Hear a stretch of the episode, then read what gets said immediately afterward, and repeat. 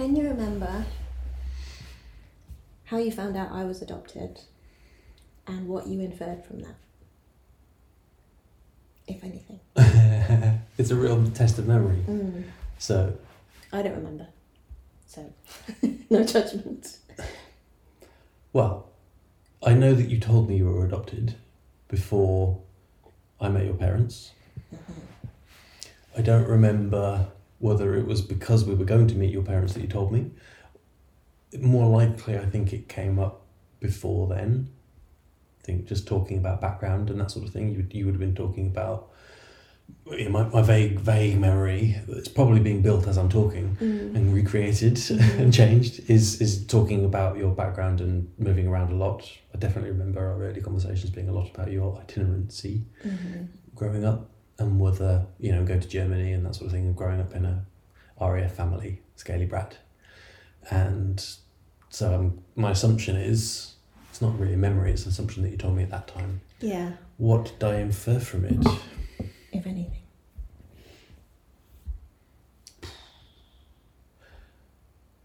I don't know. I again, this is probably s- slightly coloured by what I know now, but part of me probably went, "Oh, that's interesting. I'll I'll park that because there's stuff there that's going to come out later." Mm-hmm. probably.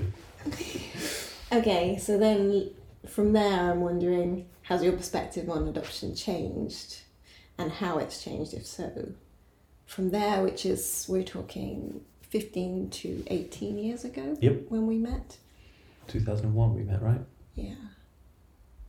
Or, yeah, just after 2000, maybe. Yeah, yeah, it was actually. Yeah. Well, yeah. It, After the millennium, I think. uh huh. So, in that time, hmm what has shifted your perspective, if anything? Uh, well, And how has it shifted? Well, lots of things. I mean, I, I think, if again, if I think back to what I remember thinking, which isn't necessarily the same as what I actually thought, I remember thinking things about the search.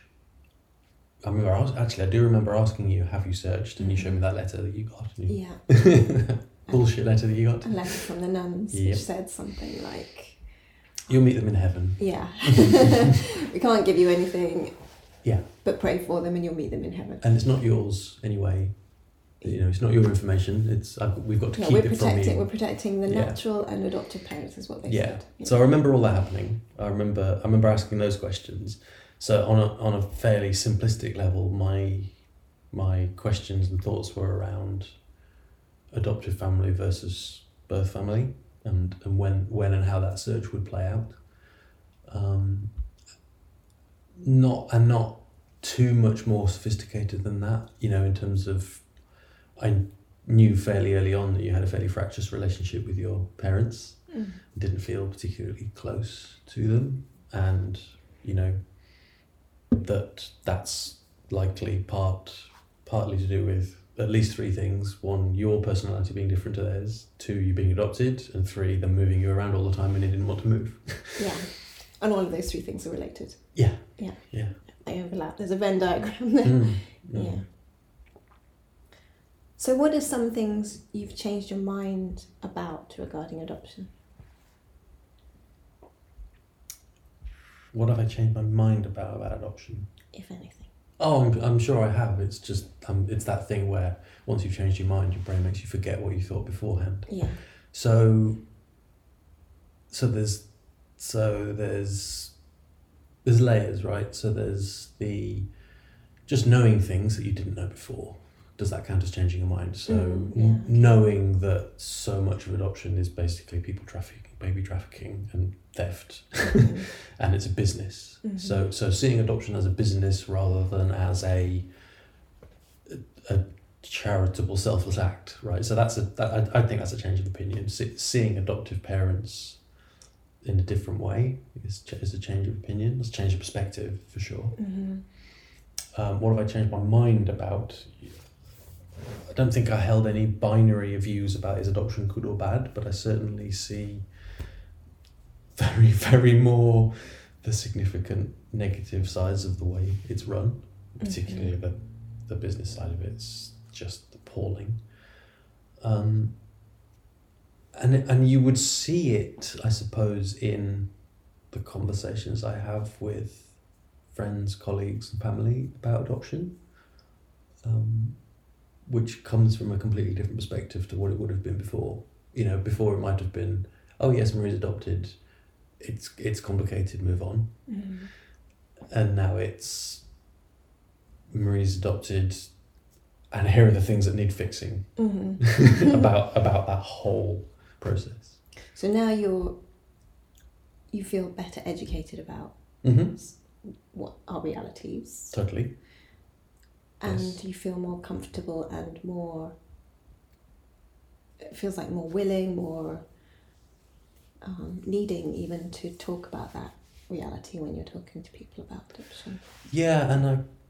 It's been really interesting seeing people's reaction when I do. I Mhm. still remember the conversation I had around the table with my team in Brisbane, yeah one of whom was adopted, and their reaction to the conversation being probably more open than I expected, partly because of the side I was on and the perspective I was giving, plus I'm their boss, I suppose. Mhm. That's always going to be part of it. yeah But also because the other person around the table that is adopted was going, Oh my god, that's absolutely right. I'd never thought of it that way before.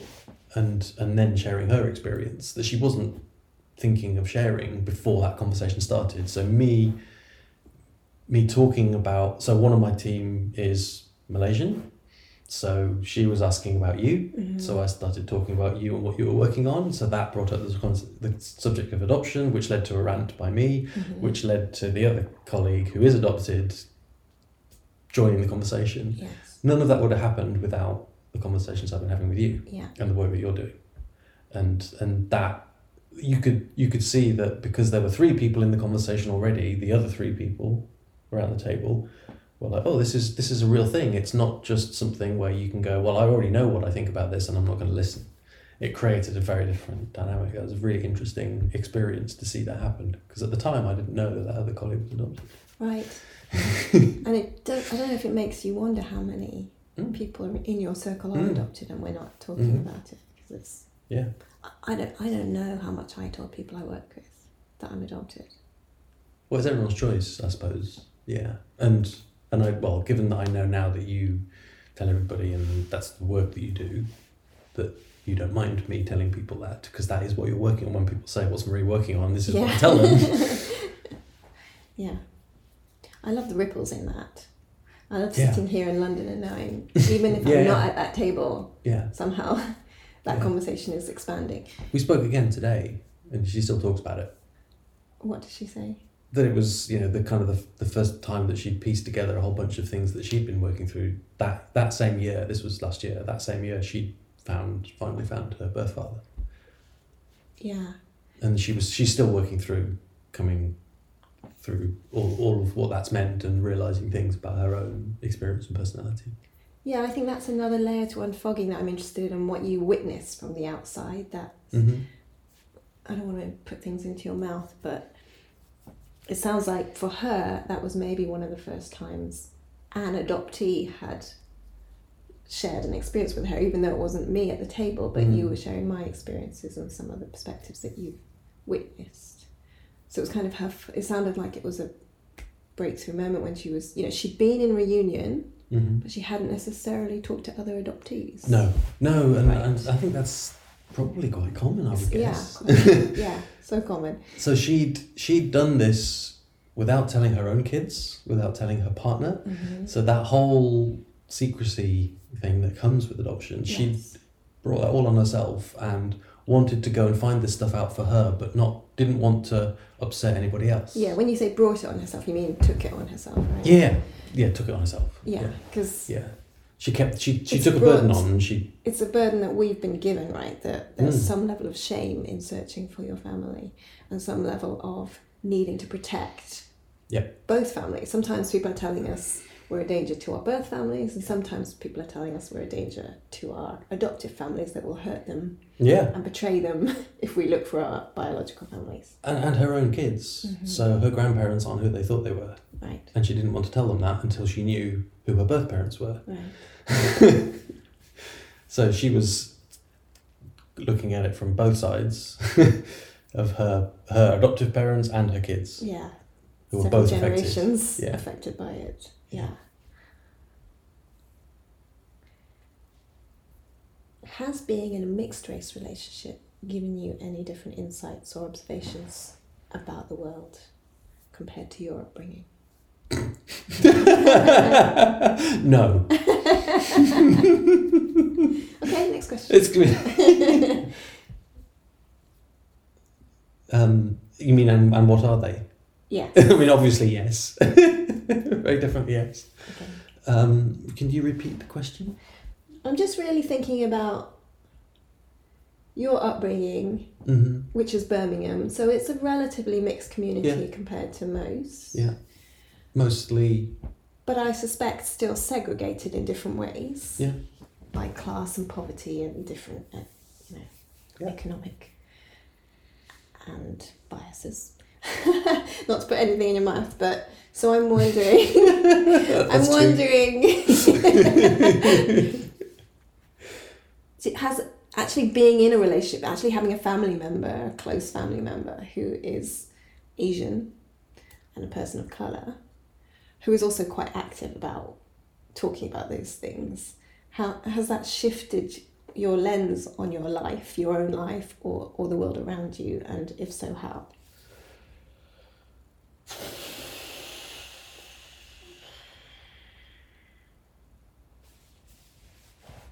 I mean, yes, it has, but how? How how is a really interesting question. Yeah.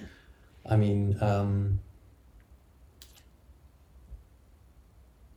I think the whole, um, the whole debate around I don't see color is probably one that is how I used to think, Mhm. and then you learn to see that that's ridiculous. Yeah. And when did Through- you, when would you say that you learned it was ridiculous? Well, not when I was at school and not when I was at uni. So you were encouraged to think about it in terms of colorblind. I wouldn't say encouraged. I would just say It was implied. Well, no. Well, yeah, I mean, it was implied. But what I mean is, I, I grew up in a in a pretty mixed race, in two pretty mixed race schools. My my my very first primary school was very white. The Catholic primary school Mhm. near home was very white. But then I went to a central Birmingham school, and then Solly over to Solihull, and both of those schools were fairly mixed race. And the problem was that a the racism was entrenched and unspoken and not really talked about so there wasn't a language about race and you know people would call each other horrendous offensive things So you it- saw racism happening. Yeah, and you absolutely. And you noticed it at the time. and it was dismissed as banter and Right. that sort of rubbish yeah. So yes no, noticed it saw it you know had friends that were the victims of racism Mhm. from teachers Mhm. um, yeah. and but but it, my thinking about it didn't go any more wasn't any more sophisticated than No. well it doesn't bother me so it shouldn't bother anyone else Right, because nobody and that was educating know, you about it. yeah yeah Your t- family wasn't talking about it, and yeah neither were the families of. yeah and and I would I had a yeah a, a friend that I could see to to me was very clearly um, treated differently by the teachers Mm-hmm. and I was just like why hmm? what way? Can you give examples of how they were treated differently? Um, he was picked up for smaller things than the other kids were because he Mhm. was black, basically. And And did he ever comment on that himself with No. you? No. no, So it wasn't for him a comfortable conversation to talk about with his white friends, I suspect. I wouldn't have thought so. No, and it kind of it's one of those things where you look back at it and you go, everyone kind of knew that that was unfair, but didn't have the language to articulate it. And I would really hope that since then, thirty years later. We've built a language and an awareness in people in kids of that age where they would call that out if, if the situation and, and if we haven't we should Yeah. well, I would hope, but you and I have seen conversations on Yeah. Facebook where people are denying that racism Yeah, exists. So we know there's still yeah a way to go on Yeah. that. It's a bit like what I see with um, with work with um, women at work are criticised for behaviours that are taken for granted in men Mhm. as, as leaders. Mhm. You know, oh, too tough, not self aware enough, stuff like that. Which is well, that's what you actually praise in this in this person. Yeah. I saw that sort of thing applied at, at school in terms of diff- differently treating Yeah. kids. So that that changed. So that you know, not seeing color, not being good enough, changed. When did it change? I, I would guess fairly early on in our relationship, but I couldn't put a date on it. I'm sure other things have changed too. Just struggling to think what they are. Yeah. Gabriel wanted to ask, um, I can't remember how he phrased it, but I think it was around do you think about being white? Yes, absolutely. Well, so there's another thing that's changed. Yeah. So my understanding of what privilege is. Yeah. So I, I distinctly remember first coming into contact with the concepts of white privilege and those sorts of things. And I remember having this conversation with you going, intellectually I get it, but I don't like calling it that because Mhm. immediately you get people who say, I'm white and I don't feel privileged, and the conversation goes around in circles. Mhm. And I think part of that, part of articulating it that way was actually me still resisting the concept, actually. Definitely. Definitely. Yeah, but but and but it did take time to get through that those stages because it is a process. You don't just go, oh, now I know what privilege is, and, and now it's now so it's clear. No. It does take. It did go in stages. Well, and I think I feel now that some of the stages for me are a little bit accelerated because I've been on the other side of that type of conversation. Yeah, so when yeah. I'm witnessing a conversation where I'm on the other side, where I'm kind of going, oh wait, I I don't understand yet. Yeah, that's true. Actually, I try I try to slow it down and allow myself some time to think about it because I know what it's like yeah, to be on the other side. yeah, Right. and sit with it for a bit yeah. and just go. Hmm. What's going on for me Yeah. in this moment? Yeah, what, yeah, what's exactly. happening? Why am I resisting this? What does it? Yeah. What does it challenge? Yeah. My identity or my beliefs around. Yeah, totally, totally, and and the awareness that I'm in a position where I can be comfortable about my race, you know, color of my skin, and be able to take the piss out of myself in that way.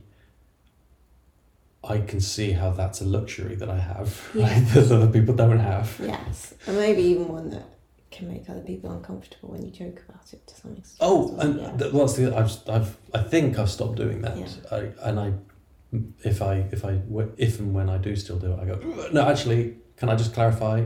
yeah. I shouldn't have done that, and I don't. Yeah. yeah. So I I, I, I definitely I used to make ironic jokes, Mhm. assuming that people knew that they were jokes, Mhm. and then very quickly you realise, oh, half of the people that think I'm actually serious yeah, um, and I remember that conversation. It wasn't about race, it was about sexism. yeah, I remember that, that guy at work making a horrific sexist joke, and I was like, what?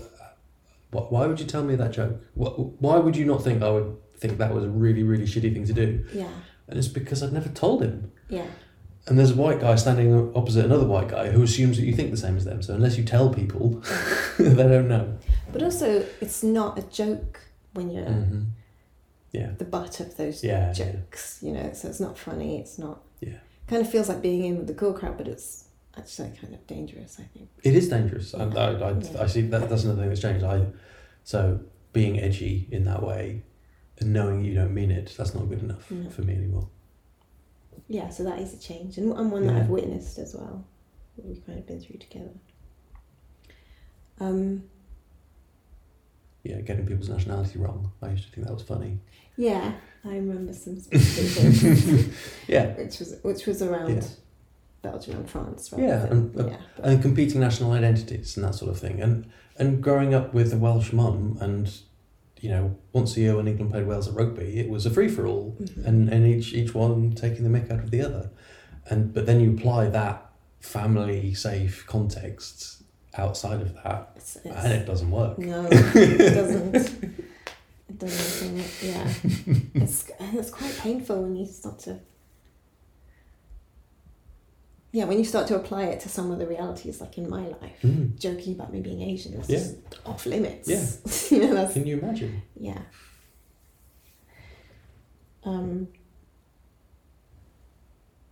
how uncomfortable has it been going through this shift in reality? How uncomfortable has it been? There's been discomfort, like when I spot that I'm resisting something and Mhm. have to think about it. But the again, the lucky thing for me has been that I'm not doing it in public. Mhm.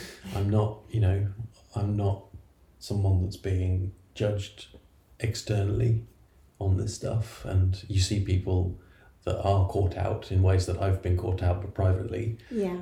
And pay for it, and that then entrenches them in where they are. Yes. Unfortunately, in a lot of cases, I haven't had to do that. I haven't been, you know, um, and Uh, So, so that occurs to me that there's a conversation there around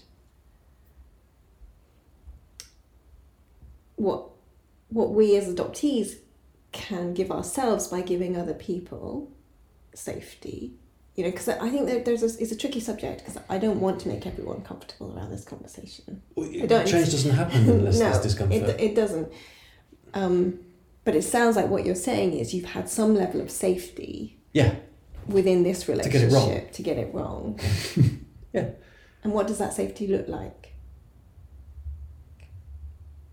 that's a good question because it's probably different for different people. Uh-huh. So, Some- so just you, just speak for you. Um, well, one is time. So you know we've known each other for nearly twenty years, Mhm. so that's plenty of time to figure things out over time. So I think your process has been slow as well, hmm or or prolonged, Yeah. not it necessarily was slow. slow. getting started Stochastic. and then it was yeah, then quick. fast. Yeah. yeah. yeah, So just to contextualize that, I, I was Yeah. about 46 before I met another adoptee yeah. and Which catalyzed a whole. which catalyzed a lot of yeah. a lot of things. Yeah. So and and but all along that time, some of that thinking for both of us had been happening in the background, hmm and some of the stuff about race as well that had been happening in the background with my reading and you know, anyway. Um, so so time is one thing, um, and then I guess the fact that we haven't been at odds about it. No. It's been a conversation with a lot of listening rather than one of one of us or either of us saying, "Well, this is what I think and you're wrong because." It's just been a conversation of exploring. Yeah. I think we both go at it with some level of curiosity Yeah. and making space for okay, well this is you make space for me in terms of well this is this is your experience. Well, that's changed. Do no, because I you used to. feel like it? Well, I think I think. Sorry, you finish your point, but there's another. Okay. I'll come back to. Hold on tight to it. Yeah. yeah. Um, yeah, I think that has changed, but there was always, I think, a willingness. But now it's much more concrete that you make space, you go out of your way, I think, in your head to say, this is Marie's experience. Mhm. There- There's no way to argue with that experience. I don't want to argue with it. It's just real f- Yeah. because that's her experience. And you get curious about that experience Mm. and explore it without ever doing what we experience a lot in the adoptee community, which is people challenging the reality that we are articulating Or diminishing it by saying, discounting it. Yeah. "Well, this person didn't have that experience, so therefore your experience is wrong." yeah. in some way. Yeah. Yeah. And that's something that another thing I think has changed is, you know, the arguments we used to have, not about this, Mm. but about who was right. So Mm-hmm. I was right about everything. and I was quite happy to tell you that I was right about everything for, for the first sort of three months ish of our relationship, right? So I think part of, And I, I think I was too. I think we were both more set in our ways in a way than we, than, than we even are now. It's, it's not set in our ways, but convinced of our rightness about things. Yeah. I'm both willing to go at it. Double to, down. yeah, to, Yeah, yeah. to express that. Which is rather probably than find out. some degree of boundary setting going on Yeah. there, which is probably a natural, True. you know, the norming, storming, forming, yeah. But if I look, yeah, forming, storming, norming, performing. there's definitely an element of that. But I think, but I think, again, not speaking for you, but there are things that your views have changed on, Mhm. um, and some of the things that I wouldn't say re- reversed our position, but I've got softer on some things that you've got harder on, and vice versa. yeah. So um, I would be. It's one of maybe it's an aging thing. Maybe it just comes with the, the more you know, the less you realize you know. So you come out of the schools that I went to and the uni I went to, and you go, right, I know everything now. I've got my degree. I've got my first job. Yeah. That's it. I've I, I know it all. I I've got opinions now, Yeah. and these are the opinions I'm always going to have. And then I met you, and my those opinions started to change because you were a different person with a different experience to me. Well, your so the more people you meet with that different Yeah. experience, the more you go, oh, actually, I don't know anything about this. Yeah. Your, your opinions were definitely challenged Mm. by By you? by meeting people with different experiences and different opinions, Yeah. and beliefs and values. Yeah. I don't know if our absolutely. values are different, but they they were when we had the arguments about religion. Yeah. Yeah. Yeah, they were. Yeah. Yeah. Um, So yeah, in the olden days, I would have made a joke then. yeah. now, you, now bite it with a joke about the joke.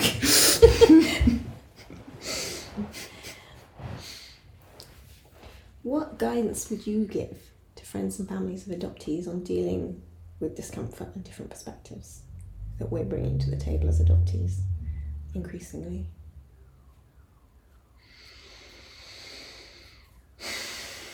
Um, firstly, that uh, don't make it about you.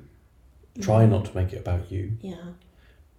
because you're feeling and be aware of what you're feeling because your feelings will be heightened.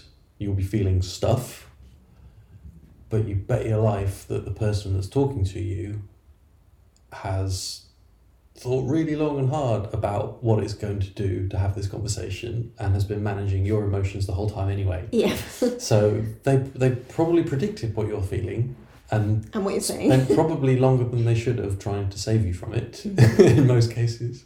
So, you know, um, be aware of what that feeling is and then think, really reflect on what that means about you rather than um, trying to turn it back on the other person or, or avoid it completely. So, and the other, the, I guess the other one would be give it time. Mm. So yeah, okay. So I'm trying to work out what that looks like in reality because I think Mm. both of those things are about giving it time. So if you're in an in a conversation, my default is to call it In an argument. Okay, here for an That's what I argument. say about me. That's what I say about my experiences. Yeah.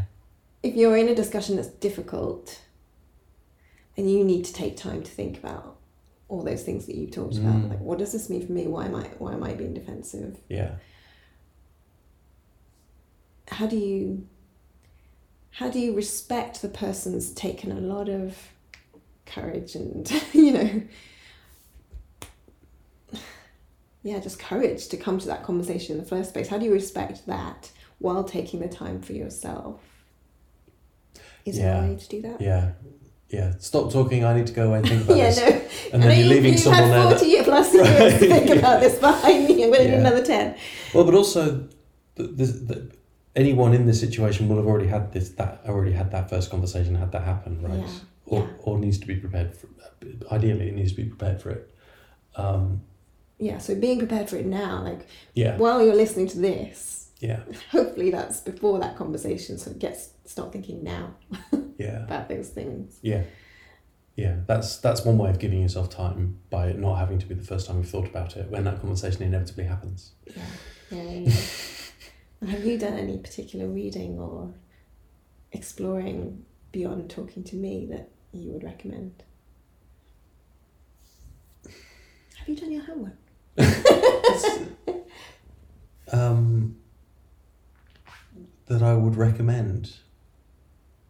I don't know. no to be honest i've done lots of reading and i Same. struggle to find things that are gentle enough certainly none of my writing is gentle enough for an Right. introductionary Well, because it's it's it's ought to be stuff that you would carry into any interaction if you can Mm. manage yourself well, right? This is a this is a heightened, amplified, more emotive, and more personal and deeper conversation.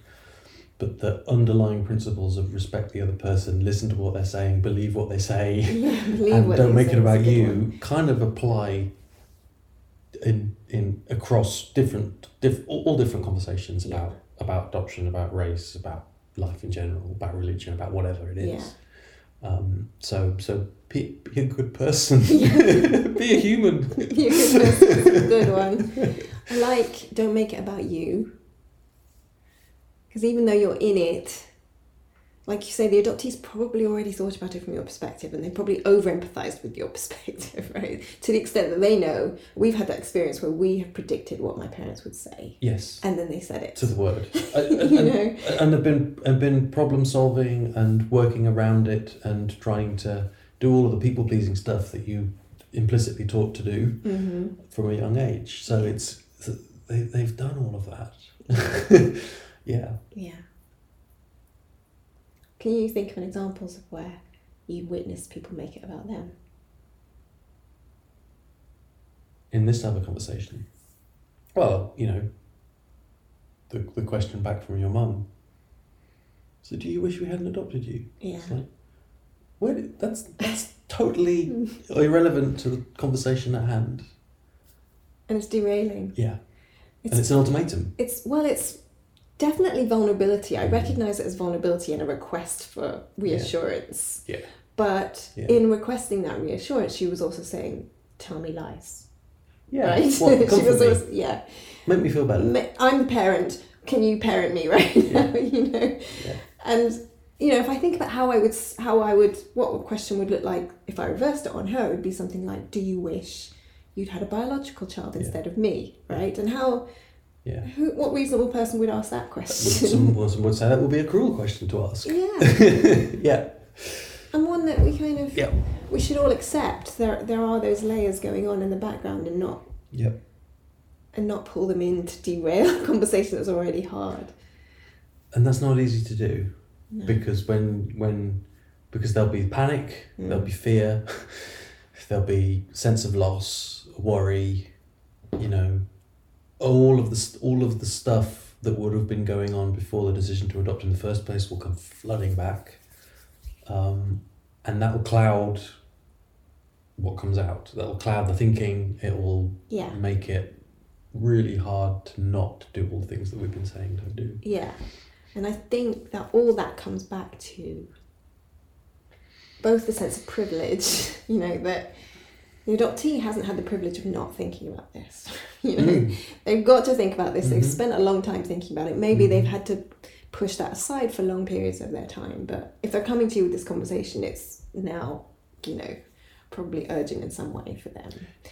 Yeah, th- well, so yeah, that's a really good point. So, as a way of trying not to make it about you, think about what it's taken for the person to get to this point to have this. I think how brave they're being to have this conversation with you, Mm-hmm. and I'd probably say thank you to them for being being brave, Yeah. right? And if they haven't had that conversation, know that, you know, it's because they're working out the courage. Mhm. And Mhm. what you can do Mm.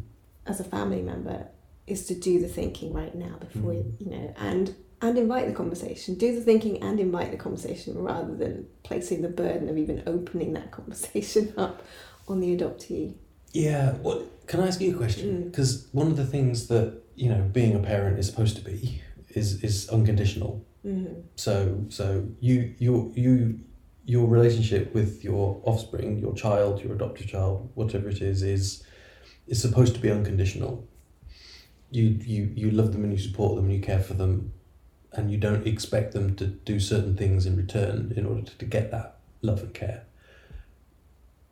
Except when it's an adoptee an adoptee. Yeah.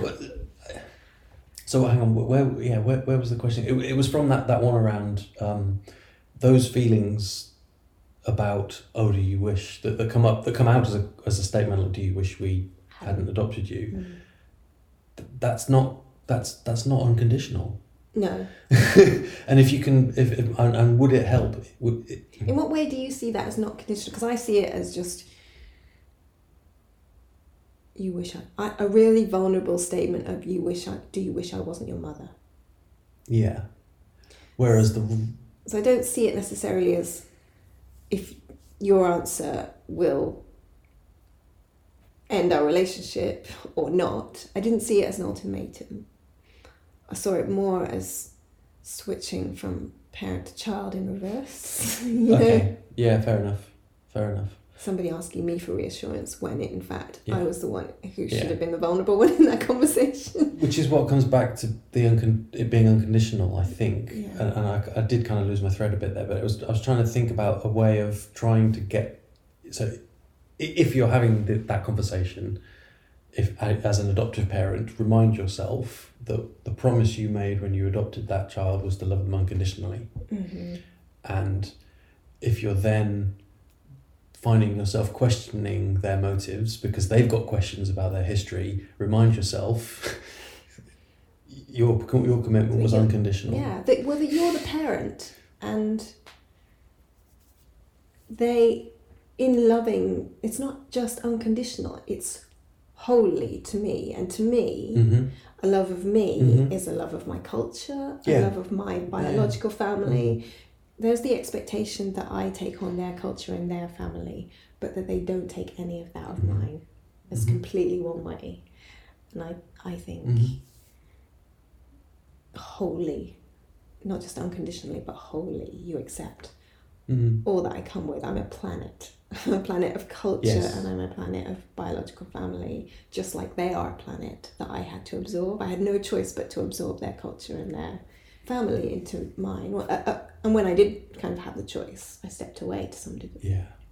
And And they should want to know the answer to the mystery as much as you, Yeah. right? Because these people are part of me, right? Yeah.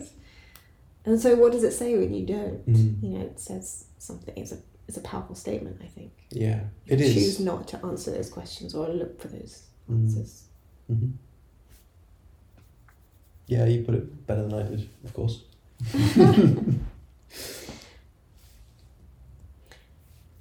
Has your unfogging experience opened your mind in other areas of your life, or changed how you approach activism or advocacy? Yes. And how? Well, so I think the the importance of understanding different perspectives of marginalized groups that you don't un- currently understand is really really important. I think that's where partly the breakthrough on privilege came from, which is the more different times you see the same patterns repeated in different stories, the more you go, well, hang on a minute. Um, so the more that you unpack what's really going on in adoption, Mm-hmm. both the business and in the many thousands of relationships that it sets up in, in you know, throughout And power dynamics. and the power dynamics absolutely you see those things replicated all over the place Mm-hmm. and you know unpicking different injustices in different Yeah. contexts you see the same patterns and you ask the same questions Yeah, and you see contexts. the same responses, like the tone policing Mm. and the, you know gaslighting. Those those are happening in all all the marginalised groups. the vested interests Yeah, the, the trying to maintain the power dynamics the way they are yeah, Yeah. and to deny they exist Yep. in the first place. the Yeah, patriarchy etc yeah, Yeah. yeah. And so, it's changed your perspective. Has it changed your behaviour?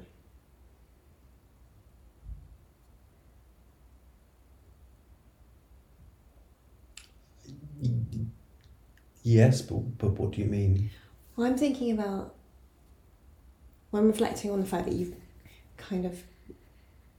For example, we have a word of the year every year, Uh-huh. a couple of years ago you chose advocate, uh-huh and I think I think that's a yeah slight shift in your behaviour and your kind of intent. Yeah, that was the that was the one the thing that came to mind. I wasn't sure if it was I was getting the right thing. So, being more likely to advocate and and take a stand, take a position on things publicly Mm-hmm. versus it's fine believing this stuff, but it makes no difference at all if nobody knows that that's what you stand for. Yeah.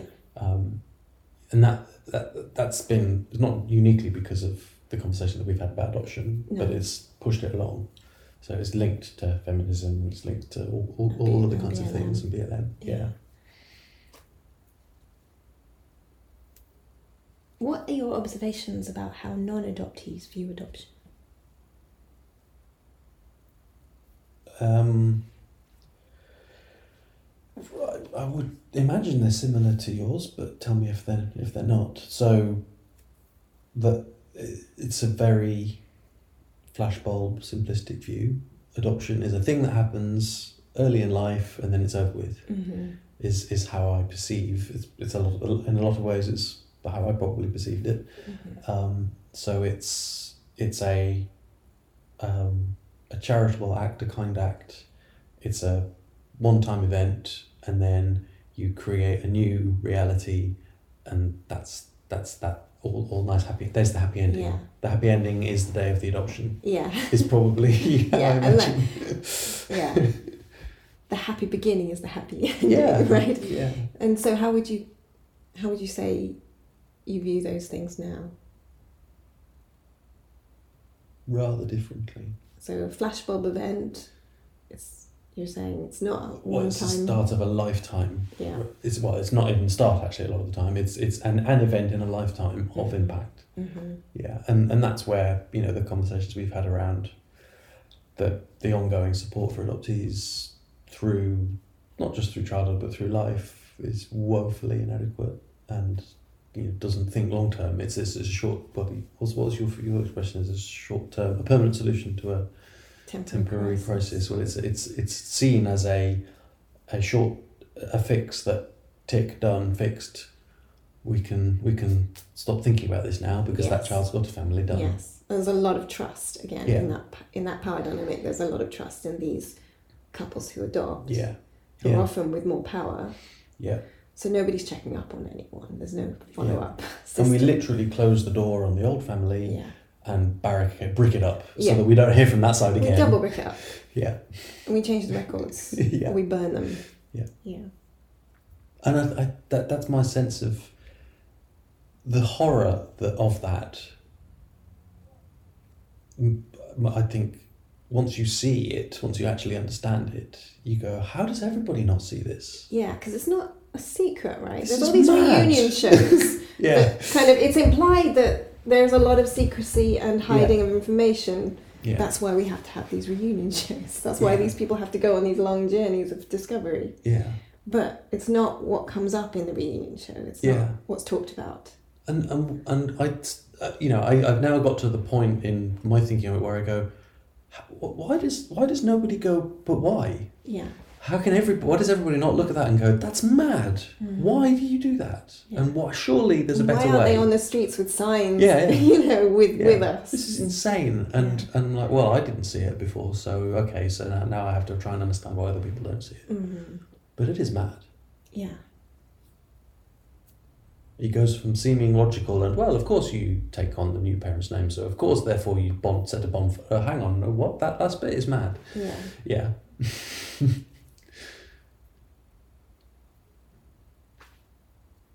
When you're talking about adoption with people and I'm not there, do you talk about it differently? No. At least I don't think I do. Um, um, it'd be interesting to know if you've ever heard me talking about adoption and think that I talk about it differently. But I haven't. It wasn't a trick question. It was just I'm just curious. no, no, I didn't. Uh, yeah, and I didn't interpret it as one. I just thought we we all think that we're consistent, but we all behave slightly differently in different situations. Mhm. So, including me. So I think I. And I do talk about it more. I suppose that one difference would be, if we're talking about adoption and you're there, I'm not talking. I'm very careful not to talk for you. I'll try and give context where if I if I think, oh, you might have mentioned this because I can see that they haven't followed. I might f- try and fit in some gaps, but I try to be very careful not to talk for you or over you. Yeah. When you're not there, I'm able to tell the whole story. Yeah. So that is a difference, I Yeah. suppose. And I would say it probably depends adoptee to adoptee. But one of the things that I think is helpful sometimes is to have that ally in the room hmm who is somehow, they're not talking for you, but they're somehow advocating for you. And validating. Yeah, what you're saying what you're saying. real. Yeah. There, there's not this re- reinforcement of an idea that Yeah. I'm this lone wolf who's had a bad experience. Yeah. you know? It's a difference between um, one person trying to convince two people and two people trying to convince one one person. Yeah. Much, much, much more likely if so. In, in, a, th- in an average three, if it's you, me, and my dad, Mm-hmm. Um, I need to be on you. I need to be visibly on your side. Yeah. Otherwise, it's you looking like you're trying to convince two people. Yeah, Whereas if it's both of us, he's much more likely to go, "Oh, okay, well that's two people, so that's logical." yeah. So I understand there's a balance of not talking over or for people, but there's also a balance, I think, and it's for every adoptee to decide for themselves and talk about that with their allies, I think. But Yeah. I think there's also how do you want to be supported in these conversations? I think that's a conversation that we have had, Yeah. and I find it really helpful that we get we get on the same side before some of those difficult Yeah. conversations. That's true. Yes. And I think that's something that we have had to develop over time. hmm Yeah, we got better at it. Yeah. Oh. Yeah, you've made me better at it. we, we've we've been much more intentional about it. Yeah. Knowing that True. certain conversations might be or dynamics might be in play. We've, hmm we've talked about what.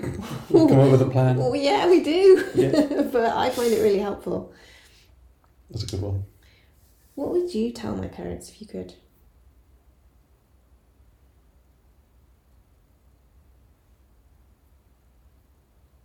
Um,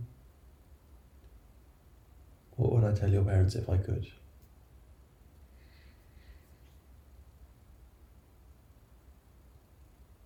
I don't know. Would I would tell them that you've been thinking about this for as long as I've known you. Mm. So it's not something that comes and goes, it's there underlying the whole time. So they should take it seriously. Um, I would tell them that, I would try and find a nice way of saying it, but I would tell them that their perspective is one that I've moved away from. So I could probably put myself at least as a Venn diagram, partly overlapping with the way they think about things. And, and you know, back back to the whole, you know, saying that I don't see color is fine.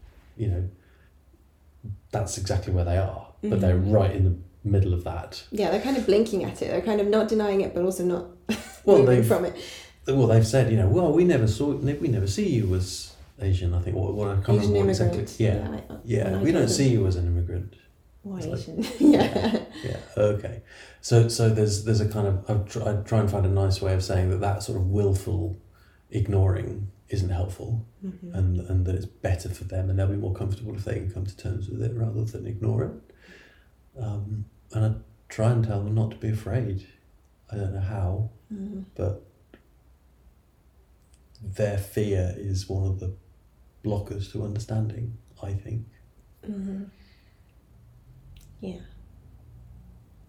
Probably both our fears, but theirs theirs is bigger, Mm. I think, because it's a parent child dynamic, right? It's adult to adult parent child, but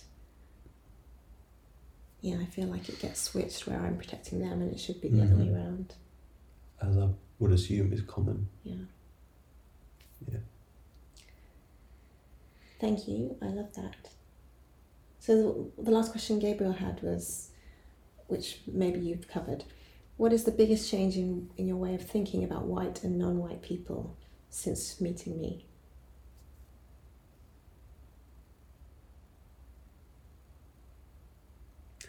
Um, it's how different the the how how very different the day to day experience is. So we all go through life thinking that our experience is. Oh, sorry, we all. It's it's common for people, White people. for middle class white men such as myself, to go through life thinking their experience is typical, Uh-huh. and coming to realize that that is couldn't be further from the truth. Is probably the the biggest one I would highlight. Yeah. But many, many others, but yeah, that would be the one that's the probably the, the most the one I think about most often. Do you have any thoughts on why people hold on to that? Even when it's being kind of, we're kind of going, this exists. Going, no, it doesn't. Do you have any thoughts about why it's so uncomfortable to open your mind to there being a different experience? That's really interesting. I mean, it sounds like a really facile answer, but I don't mean it that way because it's easier to believe that. Mm. I think if you if you if you allow yourself to believe that life is fair and Mhm. everyone's treated the same, you don't have to do anything about it. Mhm. I think. It, it, well, once Or it you seems easier, right? Because to fight with Yeah. the world Yeah. isn't easier, but Right. yeah, it's Everything's it's- fine. Yeah. Um, it's their fault. It's not my fault, and it's not my system's fault. Not the system that is built around me. Yeah. it's not unjust situation here. It's just that that person must have disturbed it in some way. Well, I, the, I, the, I, I absolutely agree. That's another big part of it. So Yeah. there's the it's easier bit, and then there's the I believe that I'm in control of my destiny, so Mhm. everyone else must be too. Mm-hmm. It suits me to attribute all of my successes to me. To, yeah. So the hard work that I put Yeah. into life. Yeah. Yeah. Whatever those are, I attribute them to me. Therefore, anyone that's having a shit time must be their fault. Yeah. There's a really They haven't worked hard enough. really common and seductive and wrong way of thinking about the world. And it's hard to think about systems and institutions and history. And it takes away some of your own credit, right? Because if Right. Because if I'm not where I am due to the, my hard work and genius, yeah. Yeah. then wait, Yeah. the earth is now shaking beneath me. Right. And what do you mean I'm lucky and privileged? And you telling me that It yeah. can't be because there's someone luckier than me, and therefore I'm not privileged. Yeah. So so it's it's some of those things and more. Okay. I love it. Thank you very much. You're welcome.